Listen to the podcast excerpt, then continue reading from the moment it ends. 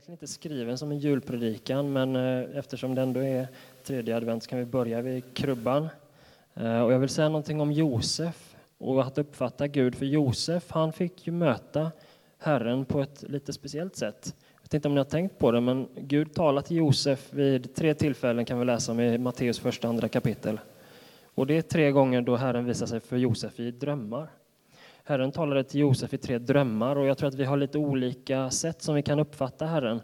Eh, och Gud talar till oss på lite olika sätt. Och jag tror att för Josefs del så fanns det en anledning till detta, att han mötte honom i drömmarna.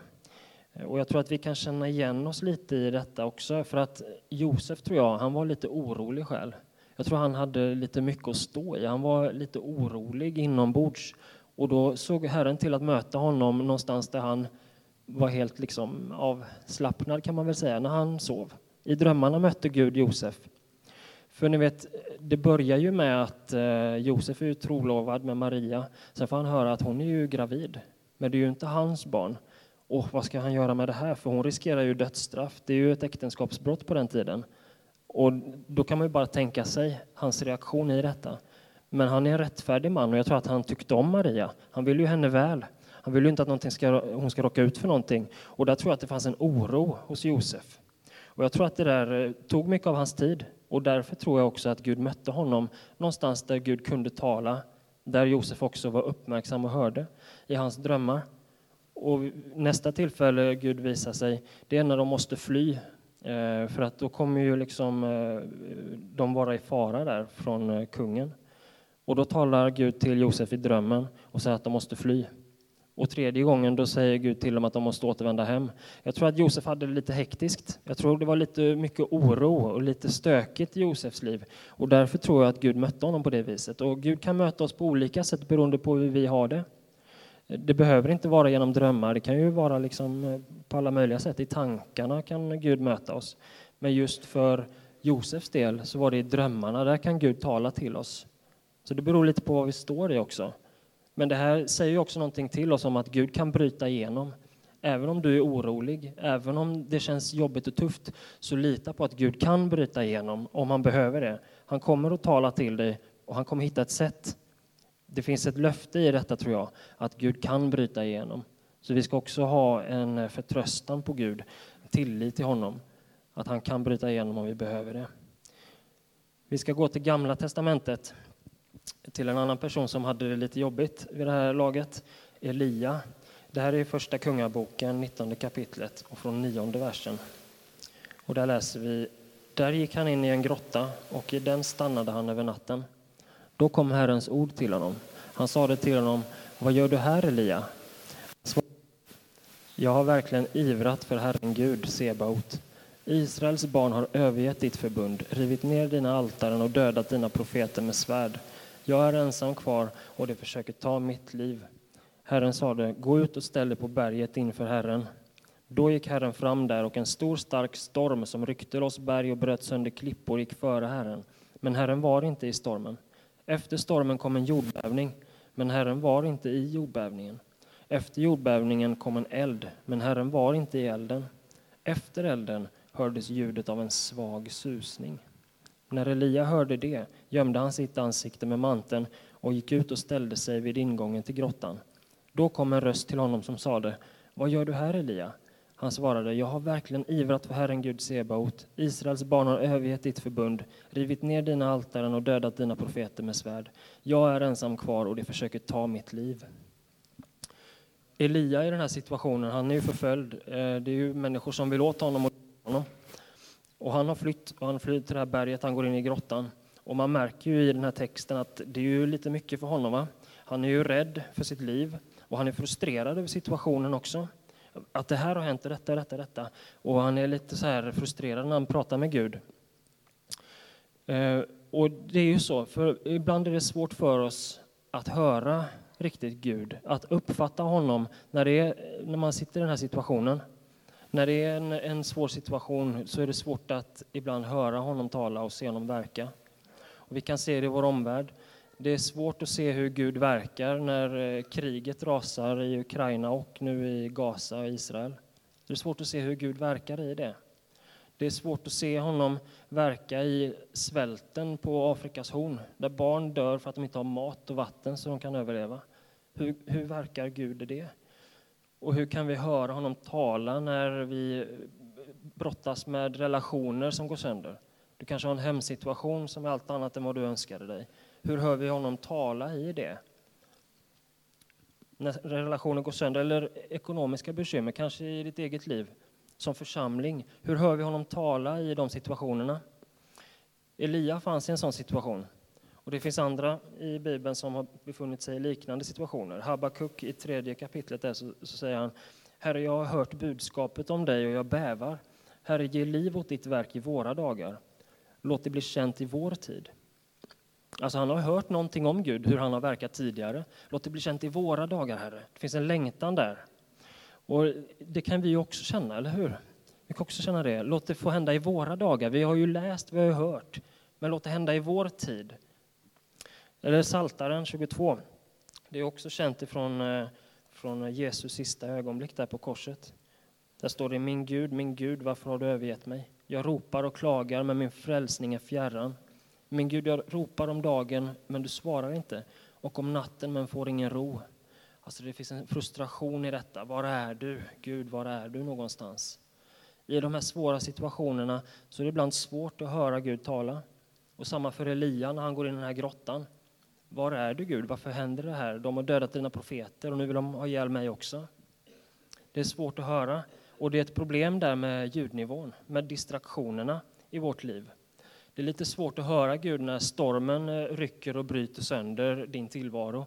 När en jordbävning går igenom din privatekonomi och liksom din grund börjar skaka och du vet inte riktigt hur du ska klara nästa månad kanske, eller ett halvår framåt.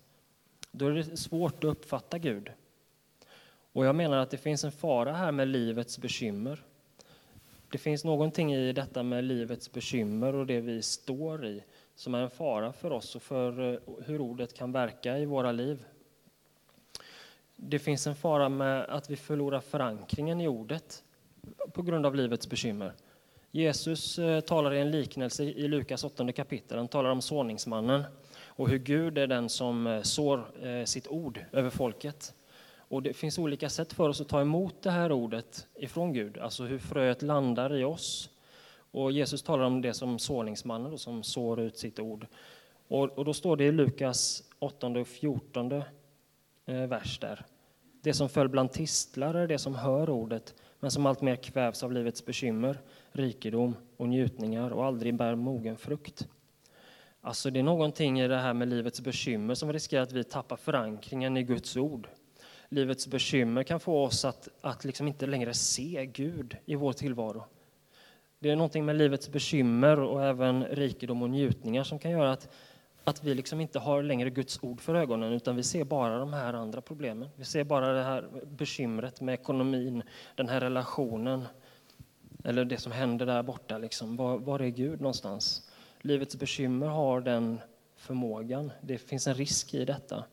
Och någonstans så behöver vi landa i någon sorts stillhet. Att vi behöver stilla oss i det. Jag tror att det var det som hände med Elia också.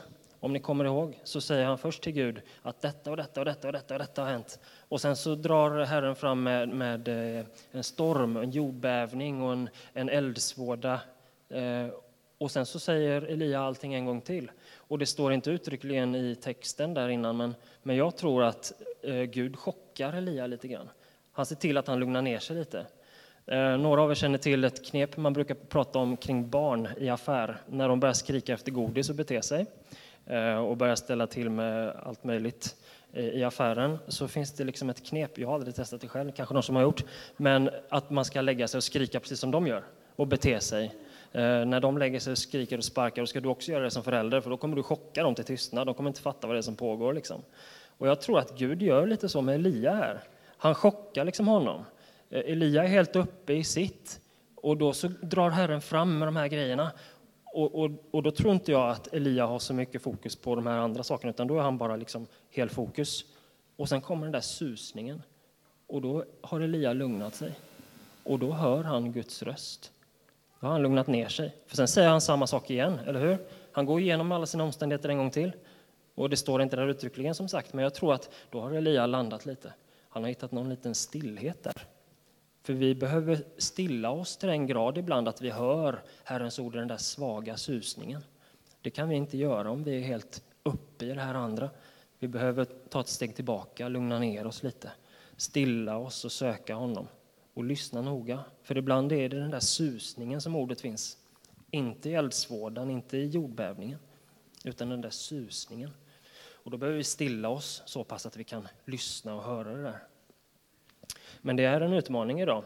Vi har ju ett informationsflöde som aldrig förr. När jag sitter och läser, jag pendlar en del till jobbet och då sitter jag ofta och läser Bibeln på tåget. Det är då jag hittar lite tid. Liksom. Jag läser en läsplan i Bibeln. Men det kommer ju ändå nyhetsnotiser när jag sitter med Guds ord. Liksom. Hela tiden är man ju matad med det här nyhetsflödet och informationsflödet. Så det är svårt idag att hitta den där stillheten. Vi försöker också maximera tiden hela tiden, få in så mycket som möjligt på så lite tid som möjligt. Vi vill ju maximera vår tid och då är det svårt att hitta den där stillheten. Men vi måste titta på hur Jesus levde, för han drog sig undan. Han, han drog sig undan när det blev för mycket ibland. Då, då sökte han lite stillhet och enskildhet och sökte Gud där, i en kammare. Han säger till oss att vi ska söka Gud i kammaren också. Jag tror att eh, det kristna livet det bygger på, på två ben egentligen. Vi har ett tempel och vi har en kammare. Och du behöver båda de benen för att, för att klara ditt liv som kristen. Du behöver en kyrka att gå till, ett tempel att gå till. Men du behöver också din kammare. Det var en fin gestaltning av det, det här när vi bad innan. För att dels så, så behöver vi komma samman och be som församling. Vi behöver också söka Gud själva i enskildhet. Eh, Jesus säger till oss att vi ska gå in i vår kammare och be till Gud. Det behöver vi göra. För jag tror att där har Gud också lite lättare att nå oss när vi fokuserar på honom. När vi är inställda på honom, söker honom. Då är det lättare för honom ibland att bryta igenom det här andra som vi har runt omkring oss. Vi behöver bli stilla. Eh, bli stilla och besinna att jag är Gud, står det i Psaltaren 46. Bli stilla och besinna att jag är Gud. Alltså, han är Gud. Vi behöver stilla oss själva och inse det. Inse att han är Gud. Han har kontrollen. Han har makten. Men det är inte lätt, eh, som sagt. Vi ska gå vidare och lyssna eh, till en annan del i Gamla testamentet här. Då är det Samuel i Första Samuelsboken 3. Pojken Samuel gjorde tjänst inför Herren hos Eli. På den tiden var Herrens ord sällsynt. Profetsyner var inte vanliga. Då hände en gång detta medan Eli låg på sin plats. Hans ögon hade börjat bli skumma så att han inte kunde se. Guds lampa hade ännu inte slocknat och Samuel låg i Herrens tempel där Guds ark stod. Då kallade Herren på Samuel. Här är jag, svarade Samuel. Sedan skyndade han bort till Eli och sade, här är jag, du ropade på mig. Men han svarade, jag har inte ropat, gå och lägg dig igen. Och han gick och lade sig. Herren kallade än en gång på Samuel och Samuel steg upp och gick till Eli och sade, här är jag, du ropade på mig. Men han svarade, jag har inte ropat min son, gå och lägg dig igen. Samuel kände inte Herren än, och Herrens ord hade ännu inte blivit uppenbarat för honom. Herren kallade på Samuel för tredje gången, och han steg upp och gick till Eli och sade, här är jag, du ropade på mig. Då förstod Eli att det var Herren som kallade på den unge pojken. Därför sade han till Samuel, gå och lägg dig, och om han ropar på dig, så säg, tala Herre, din tjänare hör. Och Samuel gick och lade sig på sin plats. Då kom Herren och ställde sig där och ropade som förut, Samuel, Samuel. Och Samuel svarade, tala, din tjänare hör.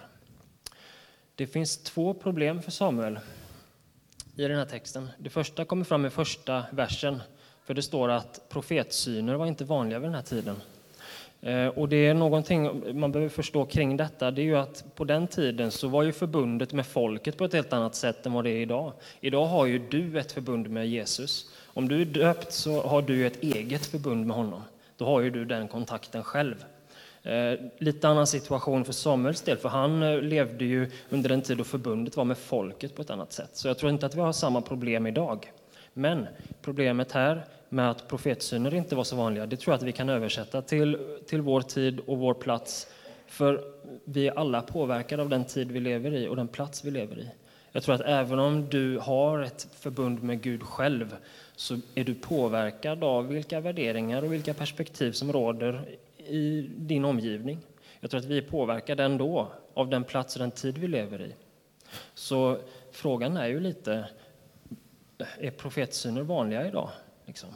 Det är lite intressant att fundera över den frågan. Vilka, vilka perspektiv är det som påverkar mig idag? Är jag lyhörd för vad Gud talar in i vår tid och i mitt liv? Eller är jag lite för påverkad av den här tiden och den här platsen så att jag inte riktigt är lyhörd för de influenserna från Gud? Jag tror att det är en intressant och kanske till och med viktig tanke att ha med sig. Hur påverkad är jag av min omgivning? Är profetsyner vanliga i mitt liv? Jag tror att det finns någonting att lära här. Det andra problemet för Samuels del, det kommer fram i vers 7, för där står det att han kände inte Herren än. Guds ord hade inte blivit uppenbarat för honom. Och det är ju förstås ett problem. Och I Gamla testamentet när man talar om att känna Herren, då handlar det om en, ett umgänge, en relation. Att känna Herren i gammaltestamentlig bemärkelse, det är inte att du eh, har en eh, intellektuell kognitiv uppfattning om vem han är, utan det här handlar om en relation. Att känna Herren under Gamla testamentets tid, det är att ha umgåtts med honom. Du känner honom för att du har en relation med honom. Och det behöver vi ha. Det behöver vi ha med oss. Så eh, att känna Herren, det är att tala med honom, att läsa hans ord. Det är att spendera tid med honom. Så lär man känna Gud. Och det behöver vi för att kunna känna igen hans röst också. Så när vi söker hans ansikte, när vi går in i kammaren, när vi kommer till templet, då spenderar vi tid med honom och med den tiden så kommer vi lära känna honom och då blir vi mer lyhörda för hans röst. Då kan vi lära oss att känna igen det där också. Eh, jag har haft liknande erfarenheter då jag har liksom, eh, särskilt en gång då, jag fick liksom en tanke på en person, en särskild person och jag kunde inte släppa honom liksom. Jag gick och tänkte på det och jag kunde inte komma ifrån det, det var så påträngande. Och sen senare har jag förstått att det där var ju Gud som talade till mig, för han, den, den eh, personen hade en tuff tid just då. Och hade jag liksom sträckt ut en hand där så hade jag kanske varit till välsignelse för honom i det läget. Men jag gjorde inte det. Jag lyssnade inte på det, för jag kände inte Herren då. Det var inte uppenbarat för mig riktigt så. Eh, så det här är verkligt, det är så det funkar. Vi behöver spendera tid och vara lyhörda för vad han vill säga. Jag har talat lite om eh, vad det, vad det är att höra Gud tala, hur vi kan lyssna efter hans röst. Men det är inte bara så vi kan uppfatta Herren. Vi kan uppfatta Gud på andra sätt, mer än att vi hör honom tala till oss. Vi kan ju uppfatta honom i vår omgivning. Alltså, vi kan ju se att Gud verkar i andra människor och i den här världen, om vi har ögonen öppna för det. Men jag menar att det där är en fråga om perspektiv. Eh, det var någonting jag blev väldigt varse om tidigt efter att jag döpt mig under tiden jag sökte också egentligen. Att se Gud verka, det är en fråga om perspektiv också. Eh, det, det är liksom ett par glasögon vi tar på oss. När vi tror på Gud och tror på det som står i Bibeln, då, då använder vi den linsen och tittar på världen omkring oss. Då, då behöver vi liksom ta på oss de glasögonen och se på vår omgivning, se på vårt eget liv och se på våra vänners liv för att uppfatta hur Gud jobbar. För det finns tecken på honom där ute. Det finns massa tecken på att Gud finns och att han är där ute och verkar. I Romarbrevets första kapitel och 20 vers står det Från världens skapelse syns och uppfattas hans osynliga egenskaper, eviga makt, gudomliga natur, genom det verk han har skapat. Alltså, Gud, det finns tecken på honom där ute. Det finns tecken på hans egenskaper också, inte bara att han finns utan också någonting om vem han är. Det finns tecken på Gud där ute som vi kan se. Eller eh, Jobb, 12 eh, kapitlet. Där står det att boskap, fåglar och jorden och fiskarna känner till att det är Herrens hand som har gjort dem. Alltså det finns tecken på att Gud finns och verkar. Men det är också ett val att se det ur det perspektivet, att ta på de glasögonen. I Psaltaren 19 står det att himlarna vittnar om Guds härlighet. Att himlavalvet förkunnar hans, hans eh, händers verk. Och det där är ett par glasögon vi behöver ta på oss. För att alltså, du kan fråga vem som helst här ute, alla har ju en uppfattning om varför saker finns till. Eh, senast nu var det i SVT i 30 minuter, det är ju ett sånt där program där journalisten får ställa en massa frågor under en intervju på 30 minuter. Och senast var det ärkebiskopen som var där och pratade. Och han fick frågan liksom, eh, tror du på, eh, tror du att Gud skapade världen? Ja, sa han. Tror du att Jesus uppstod från de döda? Ja, sa han hur, hur tror du att det gick till? Då, frågade journalisten. Ja, det vet väl inte jag, sa ärkebiskopen. Och det är ett bra svar. Eh, för det där är ju någonting vi väljer att tro på. Alltså om du läser din bibel och tror på det som står där, då, då väljer du ju ibland att tro på det. Det är en fråga om tillit. Jag litar på det som står här. Så jag tycker att det var ett bra svar, för vi kan inte förklara allting hur. Alltså det är inte det som är meningen heller. Men vi litar på det som står här.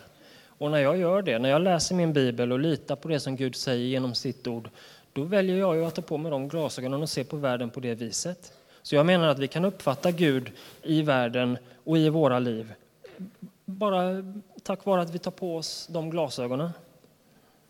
Vi kan uppfatta Gud genom, genom den linsen. Det är ett filter vi lägger över vår tillvaro. Sen ska jag också säga det att vi har också eh, lite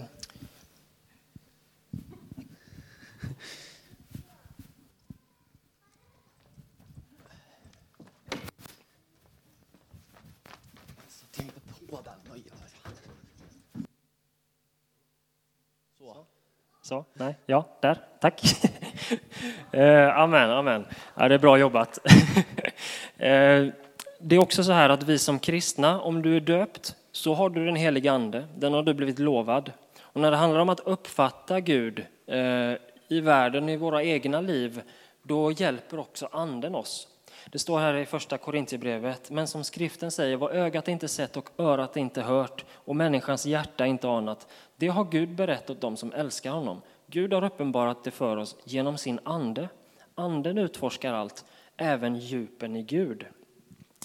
Det här, mina vänner, du som är döpt och har den heliga ande, du har, ska vi kalla det försprång, kanske fel, men du har ju möjligheten att uppfatta någonting om Gud som den som inte har anden inte har. Alltså Gud, eh, Guds ande hjälper dig att uppfatta någonting om djupet i honom.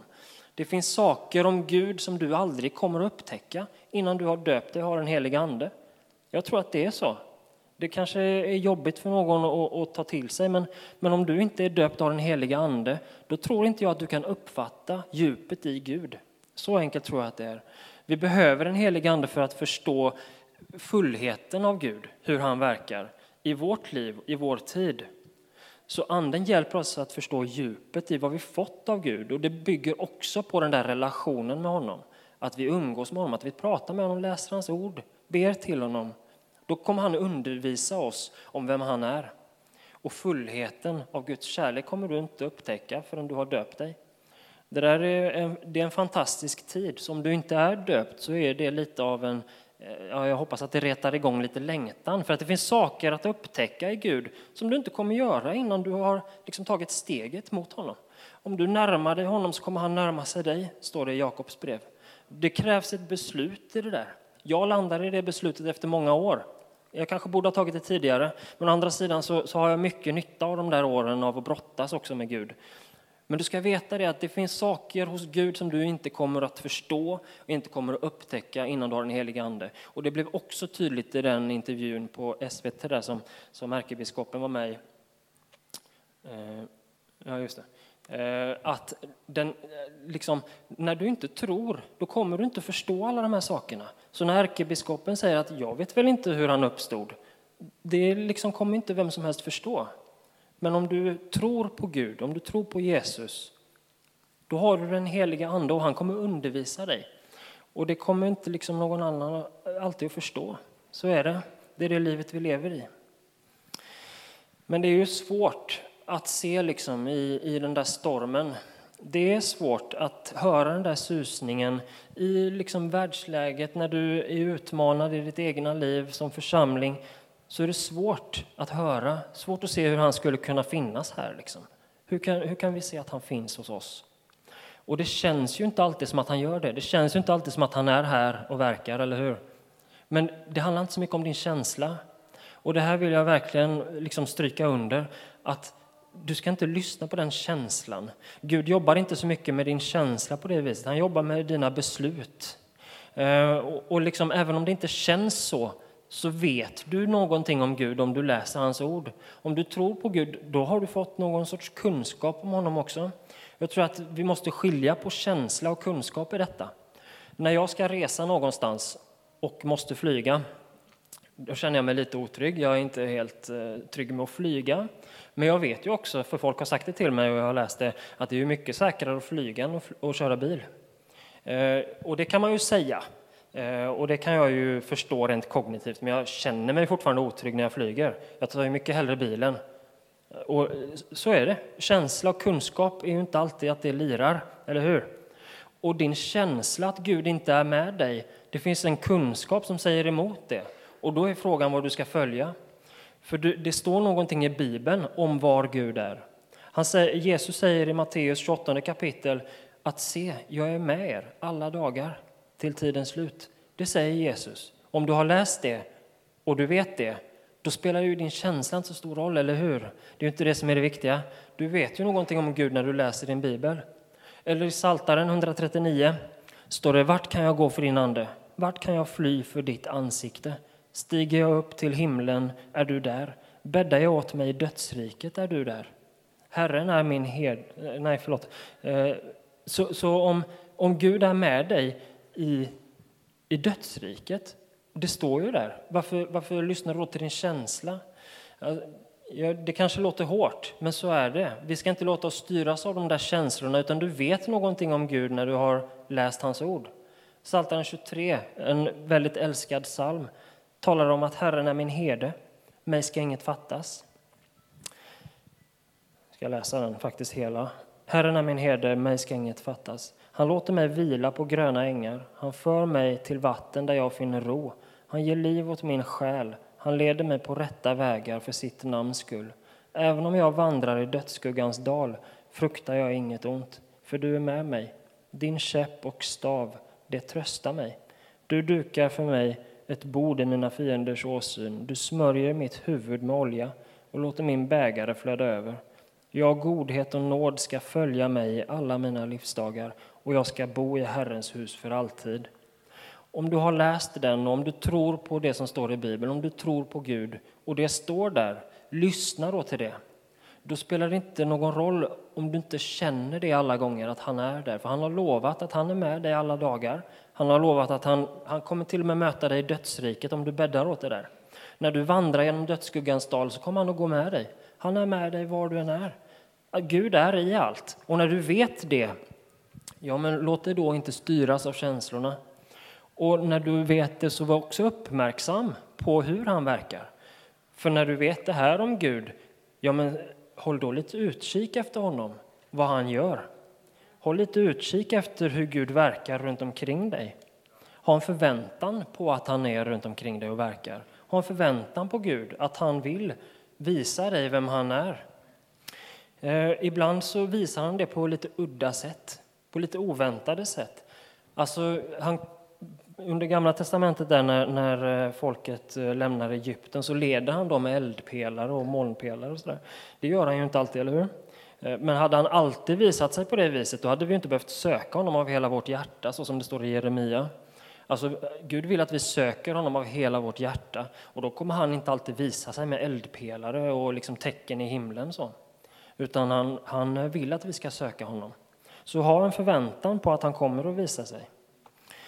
Ehm, jag ska eh, dela ett vittnesbörd egentligen. Ehm, någonting som jag bar på under ett par år.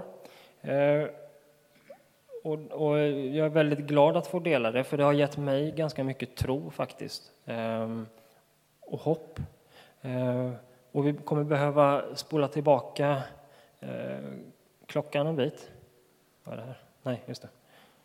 Ehm, så vi ska gå tillbaka till eh, slutet av 2019 eh, och början av 2020. Då spreds ett virus som började i Kina. Eh, första fallet i Sverige var den 31 januari 2020. Det kommer börja ganska dystert det här vittnesbördet, men det kommer att sluta betydligt mycket bättre, så håll ut med mig.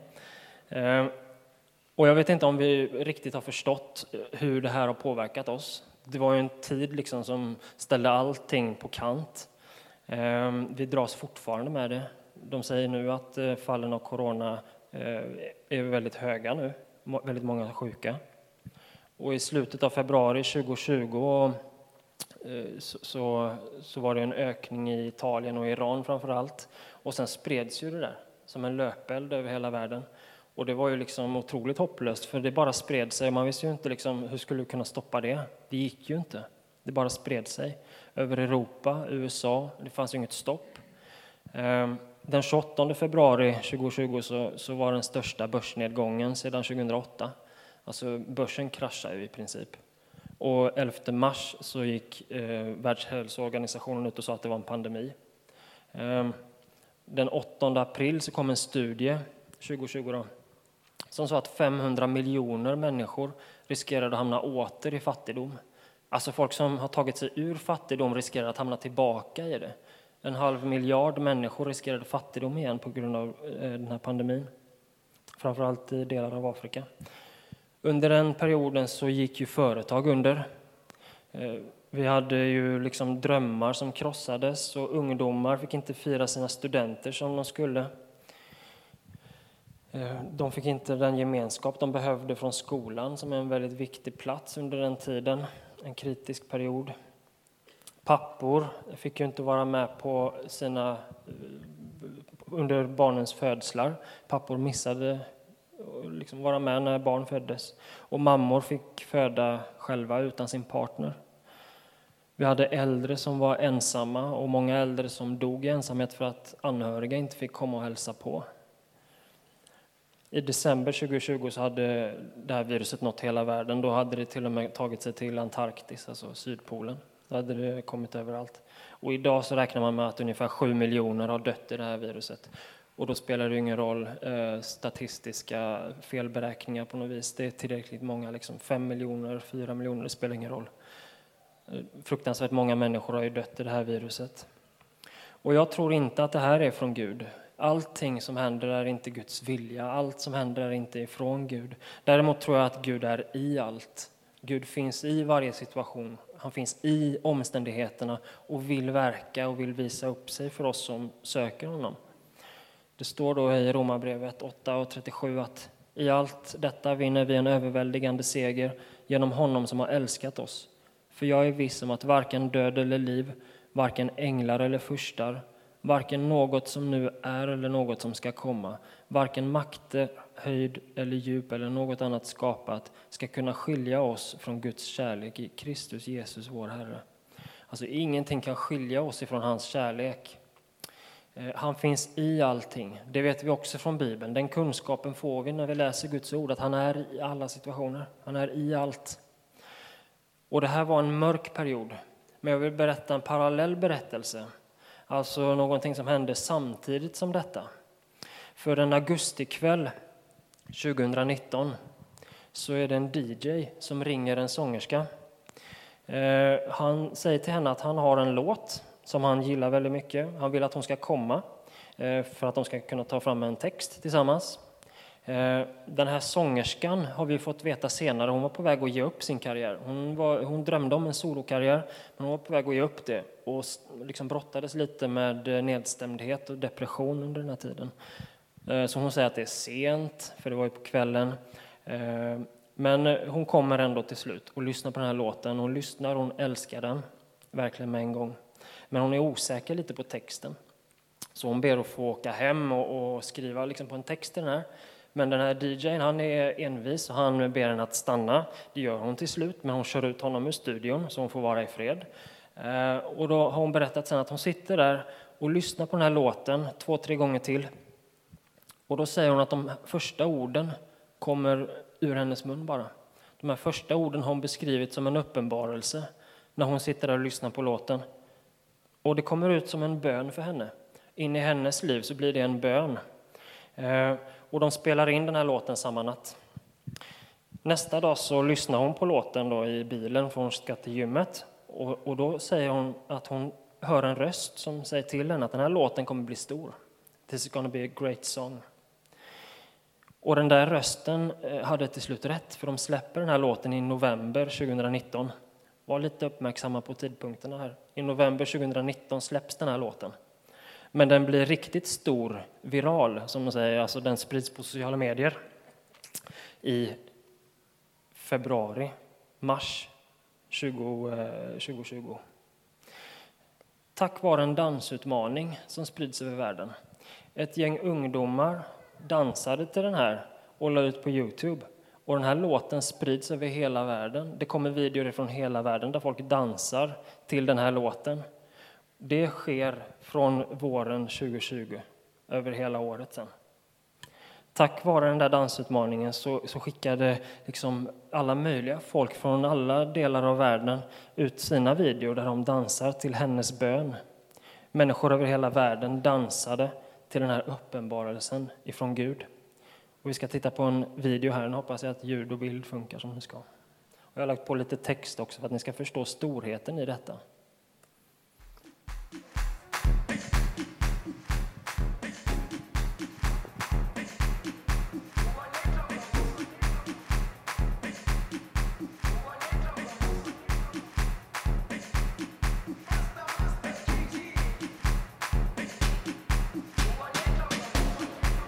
Jerusalem, ikaya lami.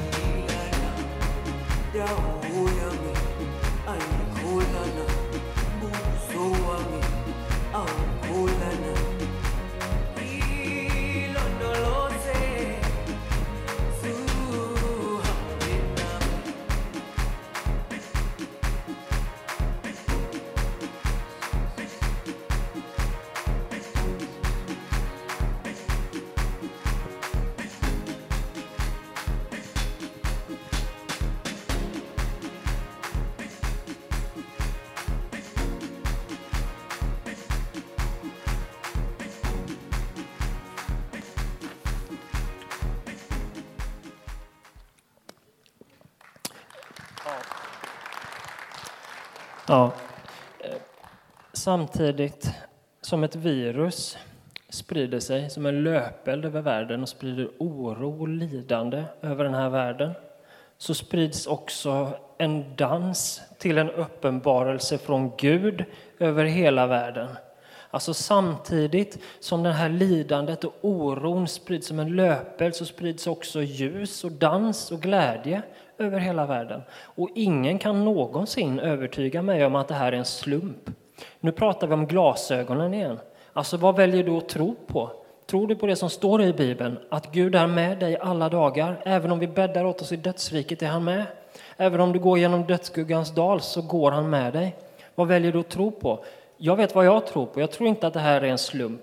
Att i, under hösten 2019 händer detta. Några månader tidigare har en kvinna i Sydafrika fått en uppenbarelse från Gud som säger Jerusalem är mitt hem. Beskydda mig. Gå med mig. Lämna mig inte här. Min plats är inte här. Mitt rike är inte här. Ingen kan, ingen kan någonsin övertyga mig om att det är en slump. Det här är Gud som verkar. Och jag vill säga att det här tar inte bort lidandet och döden. Det, är ju inte det, det, det gjorde ju inte det, det gjorde ingen frisk så. Men det gav oss någonting när vi behövde det.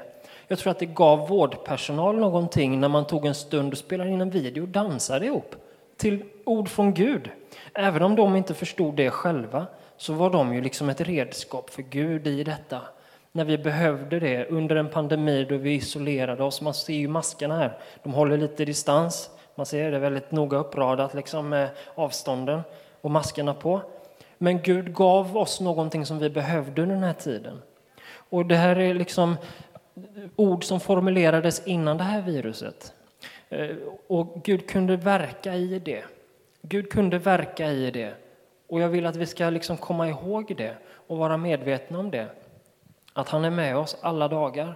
Och han kan verka genom oss om vi ställer oss i hans tjänst och bara lyssnar efter honom. Så är han med oss. Vi ber tillsammans.